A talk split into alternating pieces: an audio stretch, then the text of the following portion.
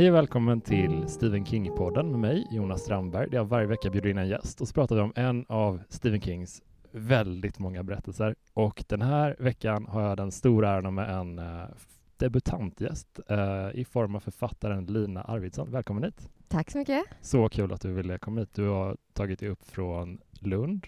Malmö. Malmö, förlåt. Ah. Okej, okay, det var trampar snett redan. Uh, inte, in, inte enbart för, för det här, men vi passade på. Ah. Och det var jättekul att du kom hit. Det, vad, vad har du för relation till Stephen King? Um, alltså, jag måste börja med att säga att när jag börjat lyssna på den här podden så har jag läst mer Stephen King Aha, än innan. Vi har liksom fått upp intresset, så det var fint. Gud vad roligt.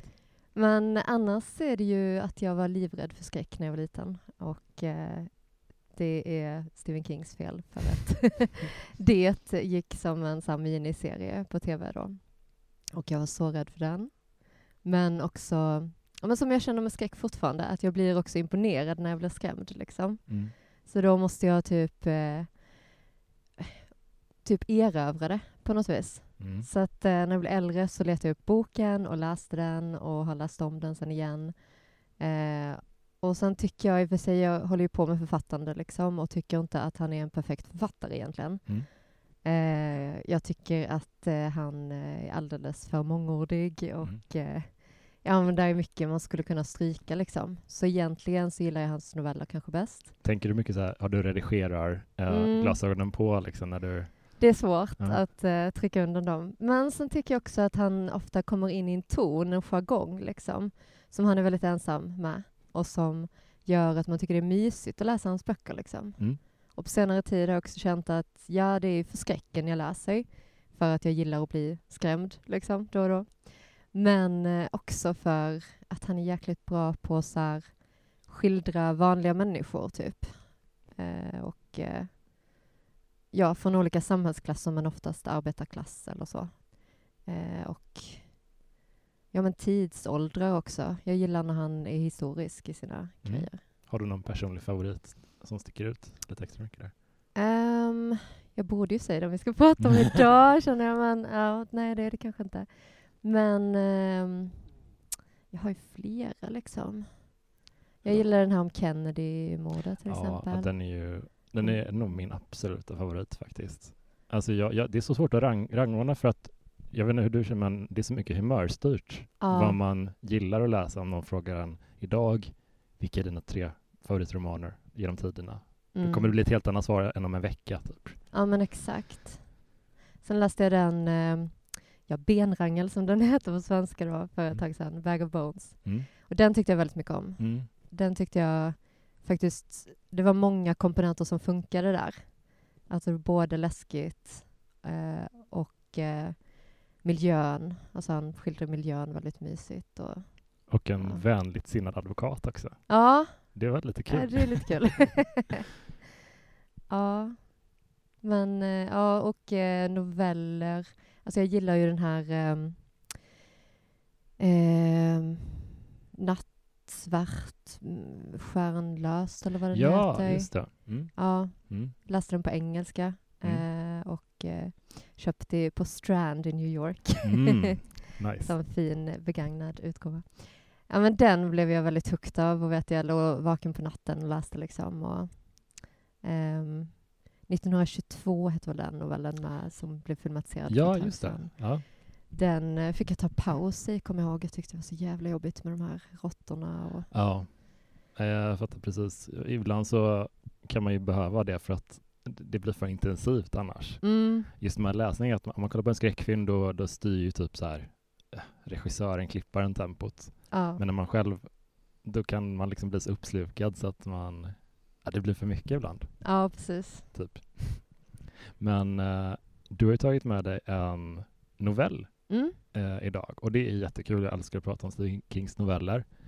Eh, det är 1408. Ja, Så kul att du, för du, du la ju fram ett par alternativ så här. Ja, men någon av de här hade varit kul liksom att snacka Mm. om. Och den här kände jag bara, ja den här vill jag verkligen prata om. Ja, men jag kände när jag läste den, eh, läste den för första gången för några år sedan. Då hade jag sett filmen. Eh, och filmen var en sån som jag såg typ när den kom ut, tror jag. Eh, och eh, Och sen kom väl i början av 2000-talet om jag inte minns fel. Ja, 2007 kanske Ja, till och med. Ja, Okej, jag ja. tror det. Eh, och det var en sån som jag såg och sen hade svårt att sova och typ Ja men som alltid, jag känner att jag vill se om den för att jag Mm. blir imponerad för att den skrämmer mig så mycket men också att jag måste typ bearbeta mig själv för att kunna göra det. Mm. Du måste ta Eh. sats innan du sätter dig med Ja den. men sådana upplevelser som man känner att jag får lite men av det. Liksom. Mm. ja, det ändå, då, då går man inte tomhänt ändå från... Nej. Eh, ja, och sen så ville jag ju läsa novellen då. Eh, men jag blev så förvånad när jag läste den. För att den är ju ganska kort. Ja, Alltså den är 40 sidor, ja. typ. Eh, och eh, helt annorlunda än filmen. Alltså den är ju... Man kan ju säga annars att Stephen King är lite too much ofta. Och denna är liksom för lite på Ja. något vis. Mm. Det är verkligen så här less is more. Och det var intressant i den här, jag vet inte om det var i, det, det i din version också, men här är det som ett förord Mm. där Mm. han skriver att det här egentligen började som en skrivövningsidé typ, Just det. som han hade med i att skriva. Ja, ja men precis. Ja, men som jag för övrigt också ja. älskar, den är jättebra. ja, den är toppen. Men det är ju en annan sak, det är en handbok liksom. Men, eh, eh, ja, men jag kände när jag läste om den nu på tåget att det är nästan som att man önskar att han skulle ha jobbat lite mer med den. Alltså, Mm. Det känns som att det finns mycket, många frön till, uh, alltså, jag kan känna lite att novellen, vi, eh, vi kommer att prata lite spoilerfritt kring den i början. Det, det är lite svårt Mm. att dra för just en novell som är så kort, men vi, vi försöker vara lite hyggliga mot våra lyssnare som inte har hunnit läsa den här än. Men jag tänker, den känns som en prolog till en roman nästan. ja, Alltså typ som är så här, eller som i, som i Scream till exempel, de här öppningsscenerna med ett, någon helt annan, ett helt annat tjejgäng än de som kommer vara i, i centrum för, för filmen sen. mm, Man får se dem ha en filmkväll, mördaren slår till och eh, har ihjäl allihopa och sen klipper vi till de riktiga huvudpersonerna. mm, Så känns lite den här på vissa sätt kan jag känna. ja. Att den är lite för sparsmakad. Men, men den har en del kvaliteter också tycker jag. Vi, vill du presentera liksom kort vad, vad handlar 1408 om? Om man inte har läst den. ja, nu har jag givetvis glömt bort vad han heter. Jag måste bläddra lite. Mm, Mike Ensley. Mike Ensley, just det. Eh, jobbar ju som en sån här, eh, han är författare, som de ofta är. Mm. eh, och han skriver eh, såna här, eh, eh, ja men lite fackböcker typ, fast eh, åt det tramsiga hållet kan man väl säga. Ja, typ åt tio hemsökta hotellrum. Ja, Tio, exakt. Ja. Typ, eh, jag, jag skriver för café på frilansbasis och det är typ sådana listor nästan. ah. Eh, så jag känner igen mig jättemycket i Mike Enslins. Fast då gör jag det på en sida för att det ska, folk ska klicka på det. Eh, det är inte Ja. i bokformat. Nej, men jag tycker det verkar vara ett rätt gött eh, jobb egentligen. Mm, mm. Han åker runt till olika så här, hemsökta ställen och Mm. skriver om dem. Och eh, grejen är ju att han tror ju inte på spöken. Han är sån cyniker. Mm. Eller Eh, skeptiker beroende på vad man vill lä- lägga värderingen. Men ja. Ja, det, för det, är ändå, det finns ändå en ton av att han önskar sig att något skulle hända, tycker Mm, jag. Mm. Men han har inte varit med om att något har hänt. Nej. Liksom. Eh, förrän han kommer då till det här hotellet, eh, The Dolphin Hotel. Eh, där eh, rummet eh, 1408, alltså på det åttonde rummet på den fjortonde våningen antar jag. Mm. Ehm, som ju då, 1408 blir ju 13. 13. Just det. Exakt, man när man ihop. slår ihop de numren. Och 14 våningen är ju egentligen den trettonde våningen. För att Precis. de, eh, ja, de är lite eh, sådär. Ja, Men då, är det en grej, jag har inte tänkt på det så mycket. Har du, har du, har du tänkt på det när du har bott på hotell? Är det att skip, är det vanligt att man skippar trettonde våningen och kallar jag den funderade 14? också på det. Är det att man Eh. är lite sådär eh, vid- vidskepligt lagd på just hotell? Jag vet inte om det är så i Sverige. Nej, Alltså, för att jag funderade också på det. Är det verkligen så? det känns ju Eh, inte osannolikt egentligen. Nej. Men jag hade ju blivit lite så här mera varför har de gjort det här? Alltså Ja. lite mer att man börjar tänka. Jag var med, med om en sån där vagt creepy grej som jag inte riktigt har kunnat sätta ord på så, på ett bra sätt men jag skulle eh, flyga för några månader sedan och eh, tar av liksom alla metallgrejer och sådär i securityn. Lägger ifrån min klocka och eh, i en sån här back och den rullar igenom, allt går bra och så tar jag upp klockan igen och då har, då har den stannat klockan på avgångstiden för flygplanet. Och det är liksom en 40 minuter framåt. Så jag vet, alltså, det kändes som att man blev lite sådär, vänta lite nu. Det, det var lite vagt läskigt. Ja, På samma sätt som att varför har de, kallar de den 13 våningen för något annat? Att man ja. blir lite mer på sin vakt så. ja, precis. Det blir som att man sätter fokus på det Mm. istället för att Ja men typ, verkligen. slå undan det. Ehm, men Ja, precis. Men så kommer han ju till det här hotellet då och eh, då börjar det egentligen med att hotelldirektören drar honom till sidan in på sitt rum och försöker avråda honom från att sova på det här rummet. Mm. Eh, och Mike tycker ju mest att det är lite häftigt. Liksom, Han får mycket material. Typ. Ja.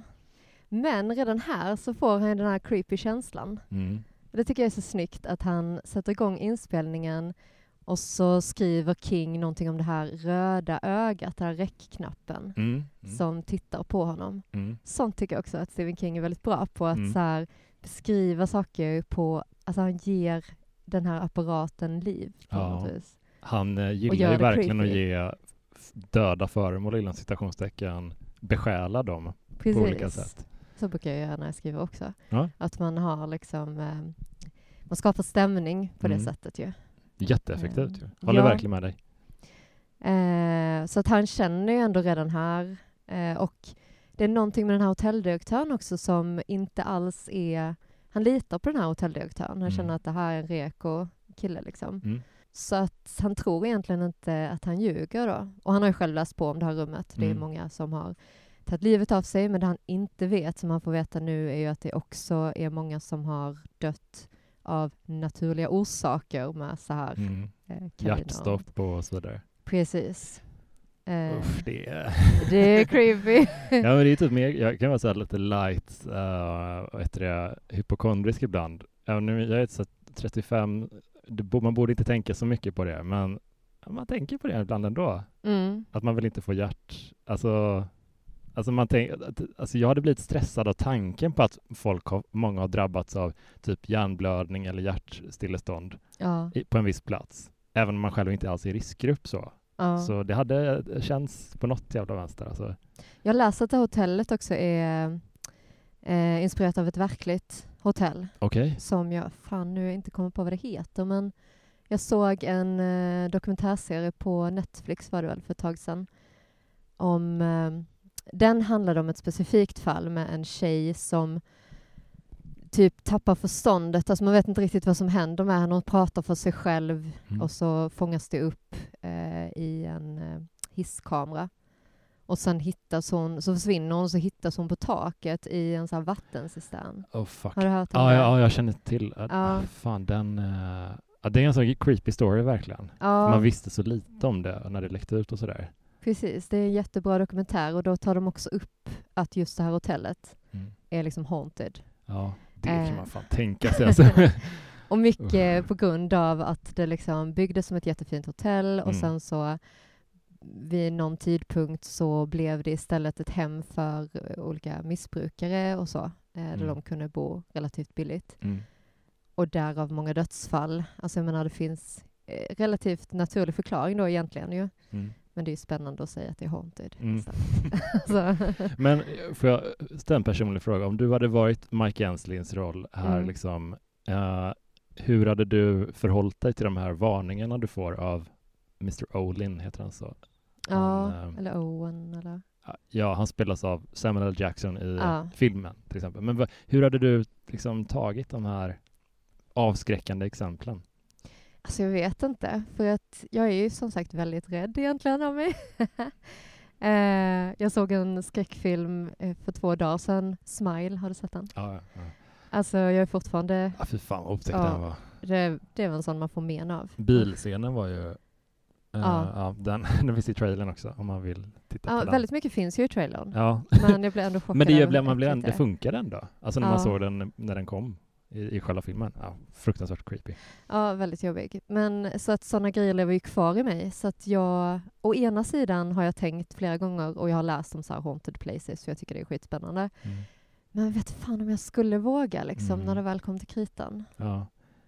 Nej, Jag, jag förstår. Jag var, hade tagit lite så intresse för övergivna platser typ. Och så var jag uppe i Säter i Dalarna och Mm. eh, besökte det gamla mentalsjukhuset som är övergivet nu.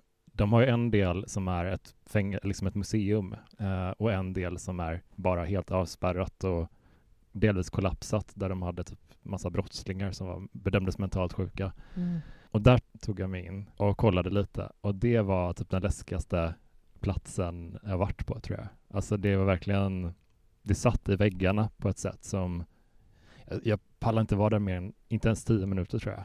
Det, Wow. det var verkligen så här, jag gick ändå runt lite och jag var i källaren till och med. Det var, det var fruktansvärt uh, obehagligt men det var någonting sådär att tanken på att att övernatta på en plats som liksom är där många har dött bara. Jag skulle tycka det kändes obehagligt att bara ligga på sängen där, Mm. där, där många har jag vet inte. Det, jag hade nog backat tidigare och låtsas att jag hade varit, sovit i rummet som är faktiskt någonting som i alla fall i filmen så antyder ju liksom hotelldirektören att du kan ju säga att du sov här. Jag kommer inte skvallra. Just det, kommer- det är nog inte med i boken. Nej, Nej, men ja. du kan få fotografera grannrummet för det har liksom precis samma möblering. Det kom, det, ingen kommer se någon skillnad. Eh, Ja.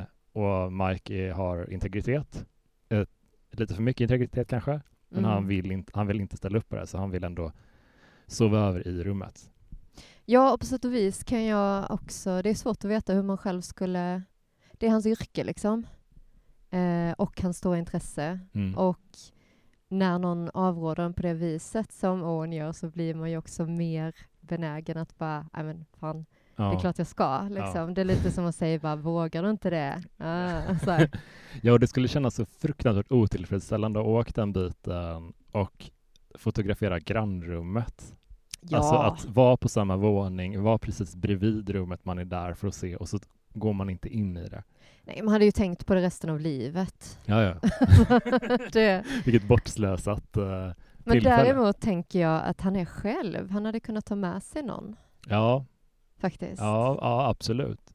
Det finns ju mer, jag tänker lite hur de här böckerna, jag, det hade varit lite kul att läsa lite mer hur hans berättelser eller hans böcker ser ut. För att jag tänker, hur kan de vara uppbyggda? Om man tänker, hade han varit där med en, en kollega eller en vän eller någonting, då hade man kunnat ha, bygga någonting kring vad de, de pratar och de diskuterar saker kring Mm. eh, sin vistelse, men han bara själv är där. Det känns som att det finns, jag kanske inte är en tillräckligt skarp skribent, men jag får känslan av att det finns lite mindre att måla med då på något sätt. Ja, fast samtidigt, alltså jag har själv testat att skriva skräck Mm. lite. Mm. Eh, Jag har skrivit en väldigt kort novellsamling som heter Aldrig ensam med tre noveller. Mm.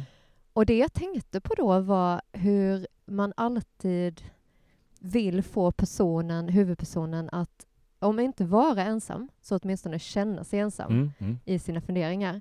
Och det här som man stör sig, jag stör mig på i alla skräckfilmer, att de inte pratar med varandra, mm. som i den här Smile. Ja, Att hon inte pratar mer med sin kille då liksom, det. om det här jobbiga. Eh, men de kan inte göra det. Nej. För att man måste få känslan att så här, det, den här personen är ensam i världen med detta. För det är också den känslan som föder de här sjuka tankarna i huvudet. Mm. Där man liksom... Den här han, novellen handlar ju väldigt mycket om att han tappar förståndet själv. Eh, och blir ja, men påverkad av rummet på ett eh, sublimt plan. Alltså Mm. mer... Eh, det tar sig in i hans psyke. Ja. Liksom. Eh, och det är det som är det läskiga. ja, men jag håller verkligen med. Vi, Och för det behö- man behöver vara ensam tror jag, för att det ska... att man börjar, tankarna börjar snurra typ. Och, Ja. Ja, jag förstår. Ehm, ja, men jag, jag, jag tänker att vi kan eh, gå in lite i spoilerterritorium nu. Nu har Ja. vi fått en bild av vad är det för typ av novell. Den är superkort, verkligen eh, läsvärd tycker Mm. jag. Liksom det, är den, det går så fort. Så Och ändå väldigt läskig. Jag läste den som sagt på tåget Mm. och jag gjorde en paus eh, direkt det här när han ska... Eh, han kommer in på sovrummet och lyfter telefonluren. mm. Där bara kände jag, ja men nu är det paus för luft. Ja. Ja, men definitivt. Och, och det var så kul att eh, läsa den efter att ha sett filmen, för det var precis samma för mig.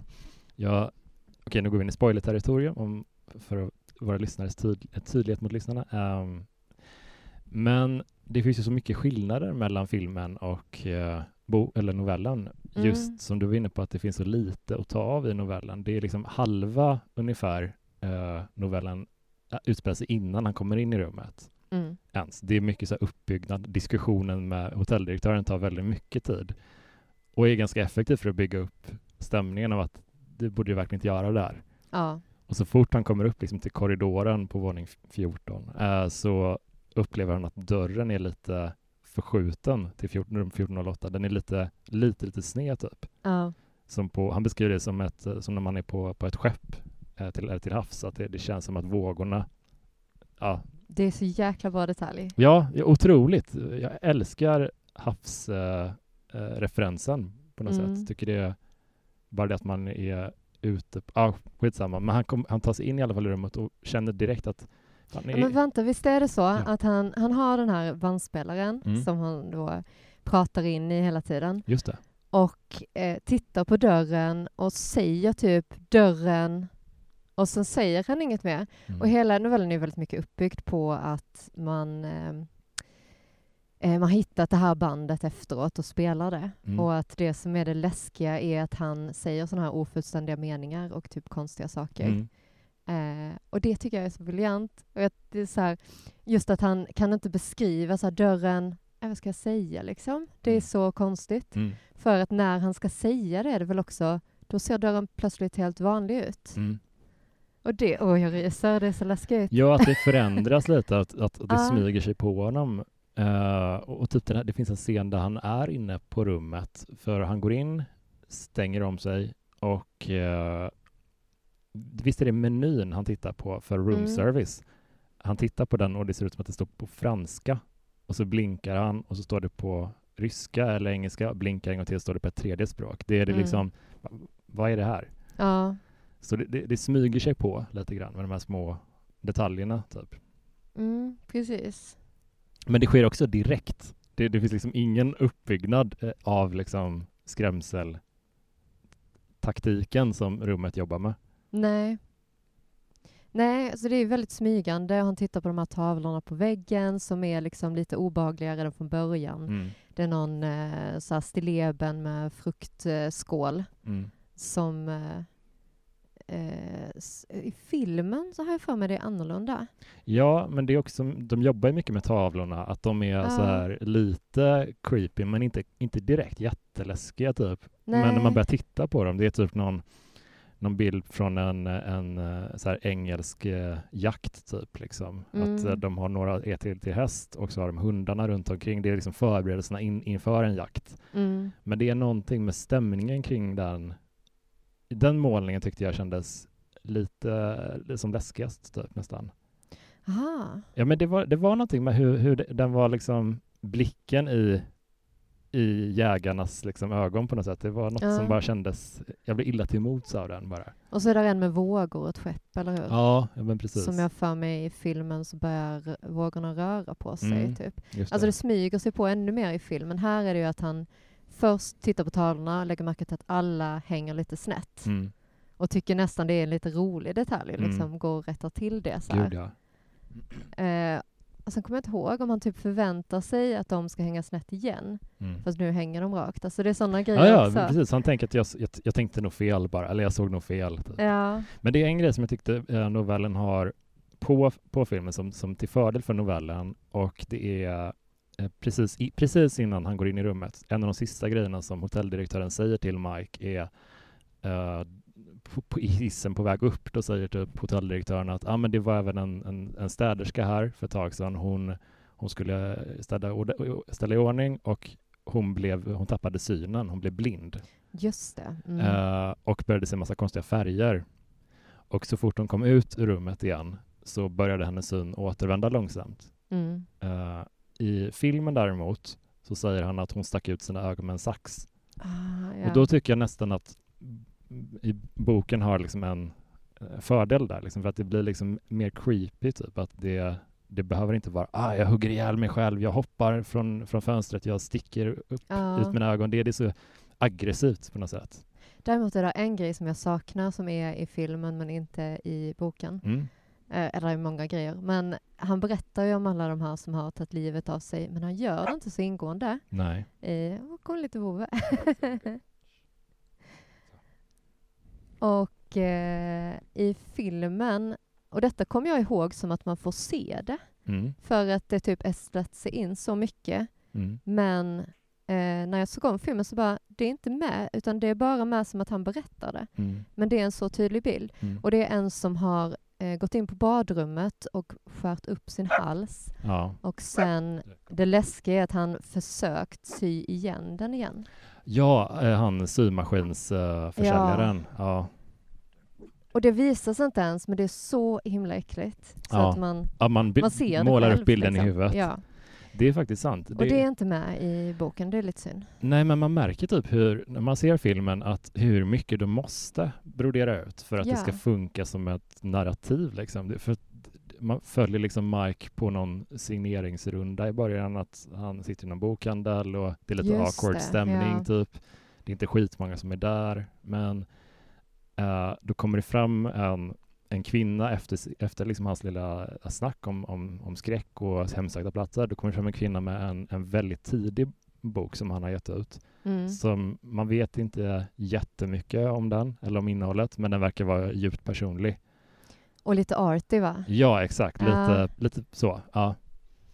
Så där känner jag att man får ändå mer av en inblick i Mike Enslin som person, typ. Att eh, de bygger upp mer av hans... Han, han är nästan bara en cyniker i boken, känner jag. Han är lite plattare som person nästan. Och det är jag Men inte det van vid att det är. väl här också att han har gett ut dikter innan eller någonting? Ja, jo, Det men... nämns i förbigående. Ja, typ. men lite så. Ja, ja, men, ja, men det är någonting med hur... Jag är inte så van vid att King... Eh, att bokversionen av hans karaktärer är liksom inte, lika, inte känns lika ut, utfyllda. Ut, liksom, förstår du vad jag menar? Att de, Ja, jag, ja Så. precis. Nej, det är Eh. väldigt annorlunda här. För John Cusack spelar författaren i, i filmen och jag tycker han har en han har en sån bra air kring sig. Det är inte en av mina favoritskådespelare, men han är liksom han känns så här cynisk och dryg och samtidigt lite så här, han har en sorg i ögonen typ, Ja. eh, på något vis, som funkar väldigt bra i, i den här rollen. Älskar honom i den rollen. En grej som vi inte har nämnt också, som eh, ju är både i novellen och i filmen, som är lite weird detalj liksom om man tänker på det, det är att han har en den här karaktären går runt med en cigarett bakom örat hela Mm, tiden. Just det. Fast han har slutat röka för tio år sedan eller vad det är. Mm, Och då är det en sån här som eh, krossar glaset vid panik typ. mm, Eh, att man får. Eh, och givetvis kommer den här cigaretten att tändas. Men Mm. det är också i novellen så skriver om så här, ja den eh, måste ju bytas ut varje dag. Och man bara, okej du har Mm. slutat röka, mm. men du köper ändå cigaretter kontinuerligt. Det känns inte är alls eh, bra. Weird. Det känns inte alls bra. Det känns som en alkoholist som har stående vinflaskor hemma liksom, Ja. bara för att. Om, man, om lusten skulle falla på liksom. Ja, det är inte så man avbryter ett missbruk tror Nej, jag. det känns inte... Men det, vi kan lite, jag tycker vi kan parallell eh, diskutera filmen och novellen lite fortsättningsvis Mm. också för att det, det finns många beröringspunkter och det känns som att i korta drag så händer det som, som vi har touchat på ganska mycket konstiga grejer i, i, i det här rummet. Det är, s- det är saker som ja, fönster som slår igen plötsligt, klassiska grejer som att vattnet börjar spola jättemycket. Ja men de här Mm. eh, haunted house-klyschorna lite. Ja. Men det- det känns ändå som att det är läskigt på riktigt. Typ. Jag vet inte riktigt hur, det, hur de lyckas få det att funka för att det jag, jag läste lite om filmen innan jag såg om den och, och att en del av kritik som den hade tagits emot, eller tagit emot var att den var lite som en blek kopia av The Shining. Och Mm. eh, det hade jag aldrig tänkt på när jag såg den. Jag tyckte att det Nej. var en helt annan ton i, i filmen med Cusack och Samuel. Jackson och sådär. Men, men nu när jag såg om den så kunde jag ändå se vad, vad de syftade på lite. Typ att eh, vi har ändå en person som ehm, har förlorat, liksom så, alltså hans, hans eh, mentala hälsa skenar. Han har försakat sin familj och, och sådär. Och det är inte med i novellen heller. Nej, precis. Hans Det, det, det, privata. det är lite att de har, när de gjorde filmen så har de tagit lite grann känner jag från, kanske från Shining, men även lite, lite från Misery också. Det finns en Mm. grej, en scen precis i Just det. slutet som känns som en, men det här är ju precis som i Ja. med Kathy Bates och sådär. Det är också en av mina favoriter. älskar den, älskar Ja. den så mycket. Mer som bok nästan än som film. Men det kunde man sett en, sån, en film så många gånger för att den här och eh, Secret Window var några av de filmer som roterade mest i mitt kompisgäng liksom. Det Mm. var all, alltid någon i gänget som inte hade sett den och alla ställde alltid upp på att se om den för att de var så spännande tyckte man då. Fint. Eh, och den här var verkligen sån, man bara liksom älskade den här. Och det finns en scen där Cusack ska, han, försöker, han kommer inte ut ur rummet. Det har, den där, dörren har gått i baklås och man börjar känna den här klaustrofobiska känslan som läsare och tittare. Ja. Ehm, men i filmen tittar han ut genom fönstret, vinkar till någon på andra sidan för Ja, att för signalera fan, att är jag, är, klart. Ja, jag behöver hjälp. precis. Han gör rörelser så ser man bara en silhuett så här som följer rörelserna efter ett tag så man kan säga nej, Mm. du gör exakt samma rörelse. Ja, ja. Och sen tar han liksom eh, lampan till ansiktet tror jag Ja. och så lyser upp och då bara är det han. Nej, det så, så, är- det är så äckligt. Fruktansvärt otäckt. Och är det inte också att han vänder sig om och då kommer det en sån här jump scare Ja, med ja. någon som kommer rusande med en yxa. Typ. Ja, för det är en så lång scen, den här scenen i fönstret och liksom kopian av han själv. Det, det, Ja. Den pågår relativt länge ändå. Så den bygg, bygger ändå upp den här stämningen kring att uh, Alltså det tar ju längre tid för honom att komma ut, eh, obviously, eh, i filmen än Mm. vad det tar i, i novellen. Men jag tycker ändå att novellen lyckas bygga upp liksom samma eller liknande klaustrofobiska känsla. Men i, för i eh, novellen så är det ju, han försöker komma ut den vanliga vägen, Mm. går ju inte såklart. mm. Eh, han försöker eh, typ sätta igång brandlarmet, eller vad är det? Ja, precis. Ja. Och han försöker öppna fönstret och ta sig också ut genom fönstret Mm. vid något tillfälle. Han det är ju också väldigt kreativ. Ja, och så balanserar på den här eh, Uh, fönster... Alltså det är ju helt sjukt. Ja. Och sen, hur är det nu? Så är det plötsligt liksom bara helt ja, alltså, kalt. ja. Det finns bara det här fönstret på hela den våningen. ja, ja, det är fruktansvärt obehagligt. Ja, det är så jobbigt. Och så håller han dessutom på att trilla ner.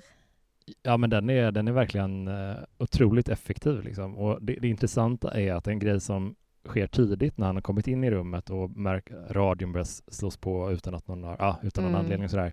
Det är att uh, klockradion slår om och börjar räkna ner eh, från Just en det. timme och neråt typ. Ja. Man vet inte alls vad som kommer hända om en timme, men det är så fruktansvärt uh, olycksbådande detalj verkligen. Ja, och visst är det också att eh, Owen, eller den här hotelldirektören, då har berättat att ja, men det är ingen som har klarat längre Mm. än en timme, eller Mm. vad det är då, som eh, han har på sig.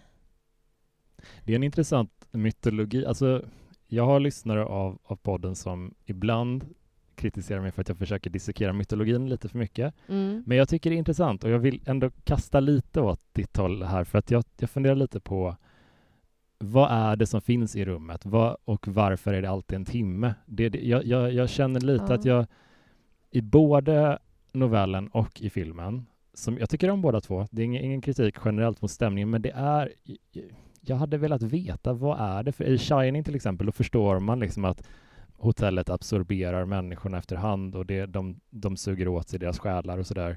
Mm. Men här känner jag lite, varför en timme? Vad är, vad är liksom...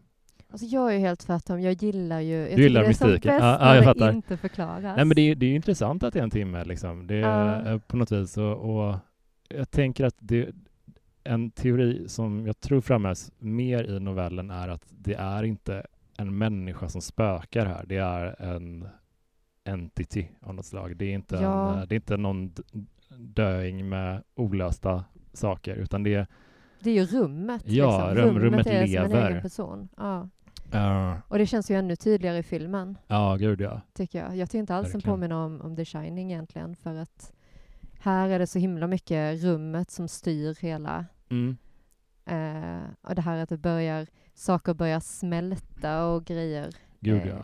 Det Men- typ touchas lite i novellen. Ja men det är, det är ju läskigt att ha den där tids, um, tids eh, alltså nedräkningen för att man, man undrar hela tiden vad kommer ske när det, den når noll? Mm. Hur kan det här möjligt eskalera ännu mer? Ja, Och eh, novellen slutar eh, med att han, eh, Mike, triggar själv brandlarmet genom att tända eld på sin egen hawaiiskjorta mm. och på så vis bryta kontrollen som rummet har över honom.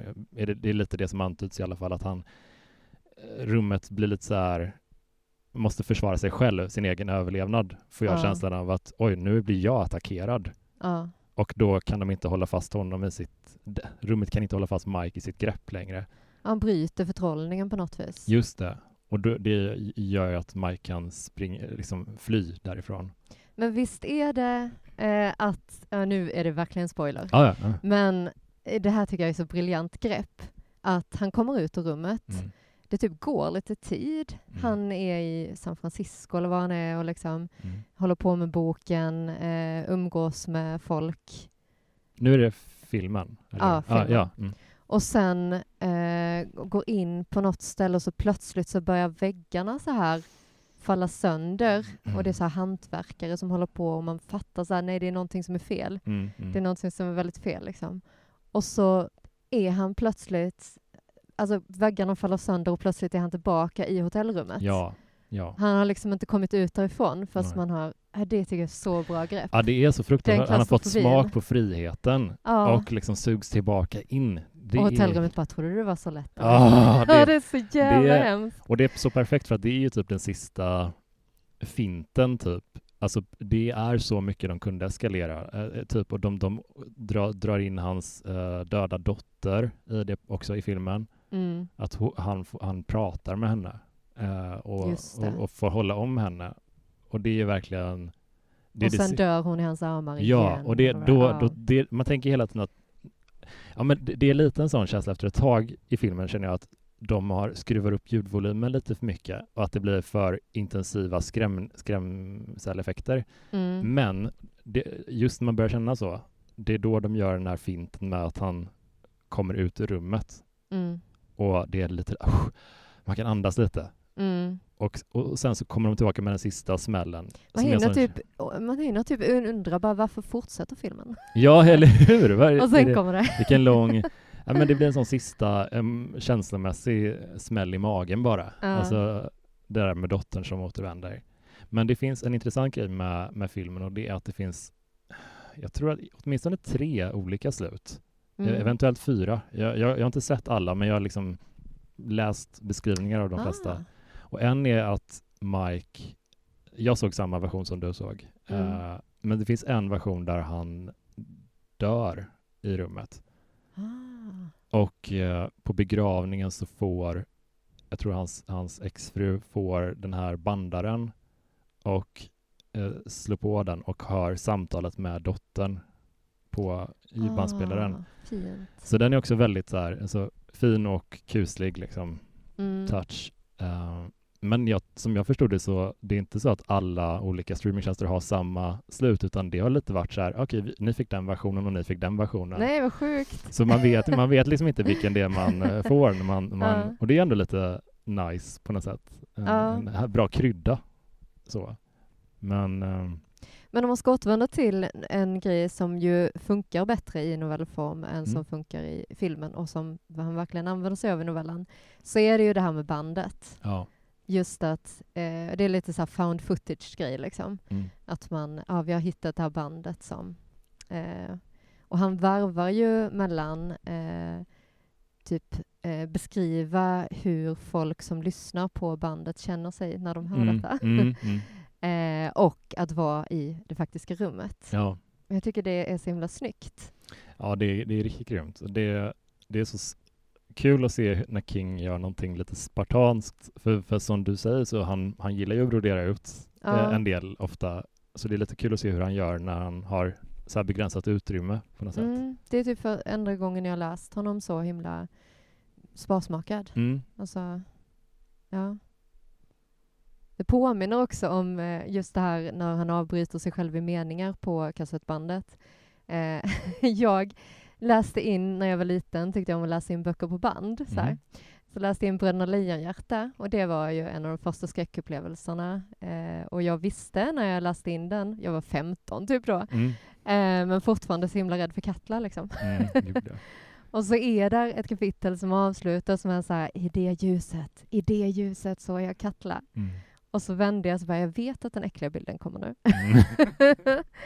Men ändå blev jag liksom så ställd. Mm. Så man hör på kassettbandet bara tystnad och sen typ att jag dra lite efter andan. Så bara, Åh, så äckligt. och sen hade jag stängt av Att typ, så tagen fått av... lite eh, panik. Alltså fan vad kul att, att- jag tycker ja, det, det är en fantastisk bok fortfarande. Jag läste faktiskt om den för typ ett år sedan eller någonting och jag var så här bara, vänta lite, finns det, har Katla en fia, alltså karm? ja. Den grejen finns ju inte alls med i den filmatiseringen. Karmafallen finns med. ja. Så man undrar varför det och så när man läser bok förstår man att det är döpt efter den här märkliga havsormen typ. ja, precis. Men det hade kanske sett, med tanke på hur mycket skit som Katla, papier-maché-Katla fick, så kanske Ja. tänkte en havsorm av papier-maché som Ja. var fint. Och det hade varit så kul om det kom en ny om den. Ja, nu spånar vi iväg här, men, Ja, men det är det fan. Nej, det var gud, ju på och- väg en ny filmatisering av Thomas Ja. Alfredsson, men som inte har blivit av. Blir så, så, Det hade varit så jävla kul att Ja. se en fin Katla alltså. ja, verkligen. Men ehm, vad är det du, vad, vad tror du det är med ehm, den här, för att den fick ganska lätt, fick ganska bra kritik, eh, liksom, eller publikmässigt, liksom, många tycker om den, den har, den har gått vä- väldigt bra på, eh, på bio, eh, Mm. filmatiseringen har dragit in mycket, om man ska tråkiga siffror och sådär, men folk gillar filmen helt enkelt. Vad, vad tror du det är med den här filmversionen av 1408 som folk fastnar mycket så mycket för? Ja men hela det här Haunted House är ju, eller jag är väldigt svag för det i Mm. alla fall. Mm. Eh, och eh, här, och hotell och liksom det här gammaldags hotellet och alla de här historierna kring det. Mm. Och, eh, men jag tror det är den här smygande skräcken. Mm. Att det liksom börjar väldigt försiktigt och sen flippar det. Eh, och John Cusack, absolut, Mm. är jätteduktig. Det är ett väldigt Liksom. vackert hotell också. Mm. Eh, när, all- alla scener på hotellet, i lobbyn, i korridorerna, det är otroligt vacker liksom, arkitektur. Liksom. Eller man säger. Det Ja. är väldigt fint inrett. Och, Man hade ju velat bo där, Ja. förutom det här jobbiga då. ja, enda lilla grejen. Ja. Alltså. Men fan, alltså, jag tycker den är så fin för att eh, den är lite uppskruvad. Ibland upplevde jag nu när jag såg om den att det är lite för pang med effekter ibland. Mm. med när han börjar känna att han håller på att drunkna eller frysa ihjäl och så, då känner jag att nu tar du i lite för mycket rummet. Ja. Nu, nu, nu spelar du inte på dem så diskret att skitsamma, men sen när man får se John Cusack använda hela sitt register och man känner sorgen som han känner liksom, över sin dotter, att han, han får så fruktansvärt ont. Eh, Mm. och då har vi liksom sett honom som cynikern som hånar liksom målningarna och säger att de är klyschiga och förutsägbara och tråkiga Mm. och liksom inte imponerad av någonting till att han fullständigt bryter ihop emotionellt och, och ja men verkligen, alltså det är sån resa som hans karaktär genomgår. Ja. Det är helt otroligt, verkligen. Jag tror också hela den här grejen att det är i ett stängt rum, att eh, större delen av filmen bara utspelar sig i det här rummet. Ja, Det är ju väldigt effektfullt, det är väldigt häftigt och ganska annorlunda. ja, ja. Och, Det är inte så ofta det är så. om man är imponerad, för han är, han är inte så en irriterande huvudperson som inte är inte hittar på bra lösningar utan tvärtom så han testar verkligen Ja. allt som man själv hade kunnat komma på och lite Precis. till, typ att han kryper runt i ventilation. Det hade typ inte jag gjort tror jag. Nej, Ja, det, där, där, kanske fönstret om man hade, ja, också att han kryper efter den här mannen med yxan som inte riktigt får någon förklaring. nej, Men, nej. nej, men det är mycket han gör som man inte hade vågat själv. Eh, Mm. Och det är ju också bra. Man, det är ju ofta man sitter och tittar på en skräckfilm och bara ”men gör så! Mm. Varför gör du inte så?” Så är det ju inte här. Nej. Utan han tar ju alla, alla jävla möjliga chanser liksom. Men det är så intressant när man har läst novellen och sett filmen så här tätt inpå att det är två väldigt olika skildringar av samma kärnberättelse typ. Liksom. Att Ja. det, jag tycker novellen var väldigt creepy på ett lite lågmält sätt liksom. Och medan filmen är mer av en menar, en tydlig, bred skräckfilm typ. Eh, Mm. På ett positivt sätt. Alltså det, det, det, många gillar den uppenbarligen också mer än vi två. Så att det, jag tycker att han lyckas väldigt bra med att måla, utvidga världen på ett sätt som kan vara svårt ibland med Stephen King och bibehålla tonen. Ja, alltså det är en väldigt tacksam novell att göra film av. Mm. Man kan ju förstå att... Ja, för det är inte en av hans mest, alltså det var inte en av hans mest kända eller älskade noveller innan filmen. Det, det, folk kände ju till den förstås, men alltså, Mm.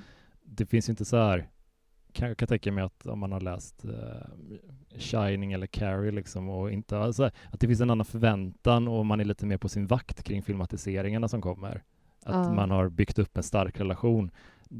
Nej, På gott och ont så kanske folk Ja. inte hade det till den här Nej. novellen innan, utan det är mer något man upptäcker i efterhand. Typ. Jag tycker ju problemet med det till exempel är att eh, boken, eller det är två tegelstenar egentligen, eh, Mm. som de har också morfat ihop till en jätte, jätte tegelsten. Eh, tycker jag har eh, väldigt mycket att önska, lämnar Mm. väldigt mycket att önska. Eh, jag blir alltid besviken när jag läser den på något vis. Eh, för att även om det är alla de här parametrarna med eh, Eh, det är det läskiga monstret som ändrar sig efter vad man är rädd för. Eh, och det är också de här barnen som är extremt utsatta på olika vis från vuxna som inte finns där eller som Mm. finns där på fel sätt eller så. Eh, men jag tänker alltid när jag läser den, men, åh, det här hade kunnat bli, det är en så bra story. Mm. Jag älskar storyn, liksom. Att här har vi ondskan som kommer i form av, oftast en clown då, men också vad du är rädd för, som bor i kloakerna Mm. och drar ner barn där. Det är så Mm. här incestuös touch liksom. Mm. Eh, och så, så blir det den här boken som inte är jättelyckad.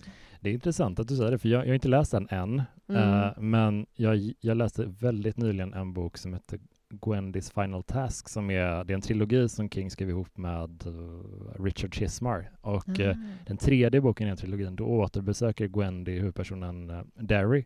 Mm. Och då får man lite lokalinvånarnas perspektiv, de som inte var direkt utsatta av Pennywise.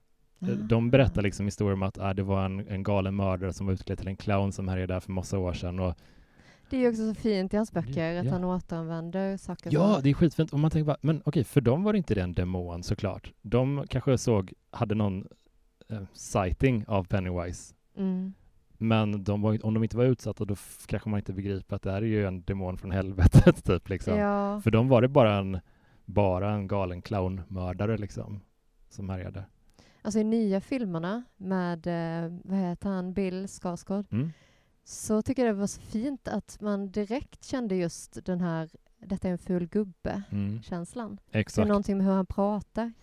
Som, eh, och det är ju självklart Mm. att det är liksom, kom ner här och lek med mig. Ja, ja. Det är klart att det är incestuös touch. Absolut. Men han fick fram det ännu tydligare på något vis. Mm. Som jag tyckte gjorde det ännu mer creepy. Ja, men det är något när han återbesöker sina gamla eh, grejer så tycker jag ofta, påfallande ofta, att de, han lyckas bättre med det i, i nutid. Mm. Alltså när han kastar tillba- och tillbakablickar till gamla verk liksom, i nutid. Det är ofta väldigt mycket mer gripande. ja. Typ, eh, du nämnde 112263, Kennedy. Ja. När man får se kidsen i, i, i rätt tidigt i boken där i Derry, liksom, att de hoppar hopprep och le, eller leker. Liksom. Det är bara Just det. Ah. Ja. Det, det blir starkare nästan då. Det kanske, ja. Jag ska inte kasta skit på det när jag inte läst den, men jag förstår, ju, tror jag förstår lite vad du menar. Ja, nej men det är väl det där med att eh, Stephen King, eh, jag älskar honom och hatar honom som författare på samma gång på något Mm. vis. Det är Mm. liksom, ja det är mycket som kunde skövlas som sagt. Mm. Men också mycket som han manar fram. Och ja men de här världarna lever ju kvar i en så att han eh, på något vis lyckas Mm. han ju jävligt bra liksom. Och jag återvänder, det är en av de författare jag återvänder till Mm. mest. Liksom. Den jag läst flest böcker av skulle jag gissa. Ja, gud vad kul. Men vad, om du, nu får du komma fram, svårt val här kanske, men om du måste välja filmversionen eller novellversionen av 1408, vilken Mm. håller du högst? Nej men då väljer jag ju filmen ändå. Mm. Ehm, eh, kanske för att jag såg den först, Mm. men också ja, men just den här känslan när man läst ut novellen och så var det precis som att jag hade kommit in i den här läskiga stämningen. Mm. Eh, och jag vill ha mer. Liksom. Ja. Och med filmen får man mer. ja. Så att, eh, ja. Nej men definitivt filmen. Det känns ju lite sorgligt att säga. Nej, men... jag, jag håller faktiskt med dig. Jag, jag tyckte inte illa om novellen alls. Jag var bara lite överraskad över hur, hur lite den bjöd på. Mm. Liksom, framförallt när man har gjort den här podden, vi har släppt typ över 40 avsnitt nu, liksom, att man är van vid att King broderar ut och i, ibland är det med, med framgång, ibland så är det lite tjatigt kanske, men man är van vid hans rika gestaltande. Liksom. Att det, det bjuds på mycket detaljer om folks bifigurers privatliv och sådär. Och här är det så jävla koncentrerat liksom, till, ja, till två personer typ.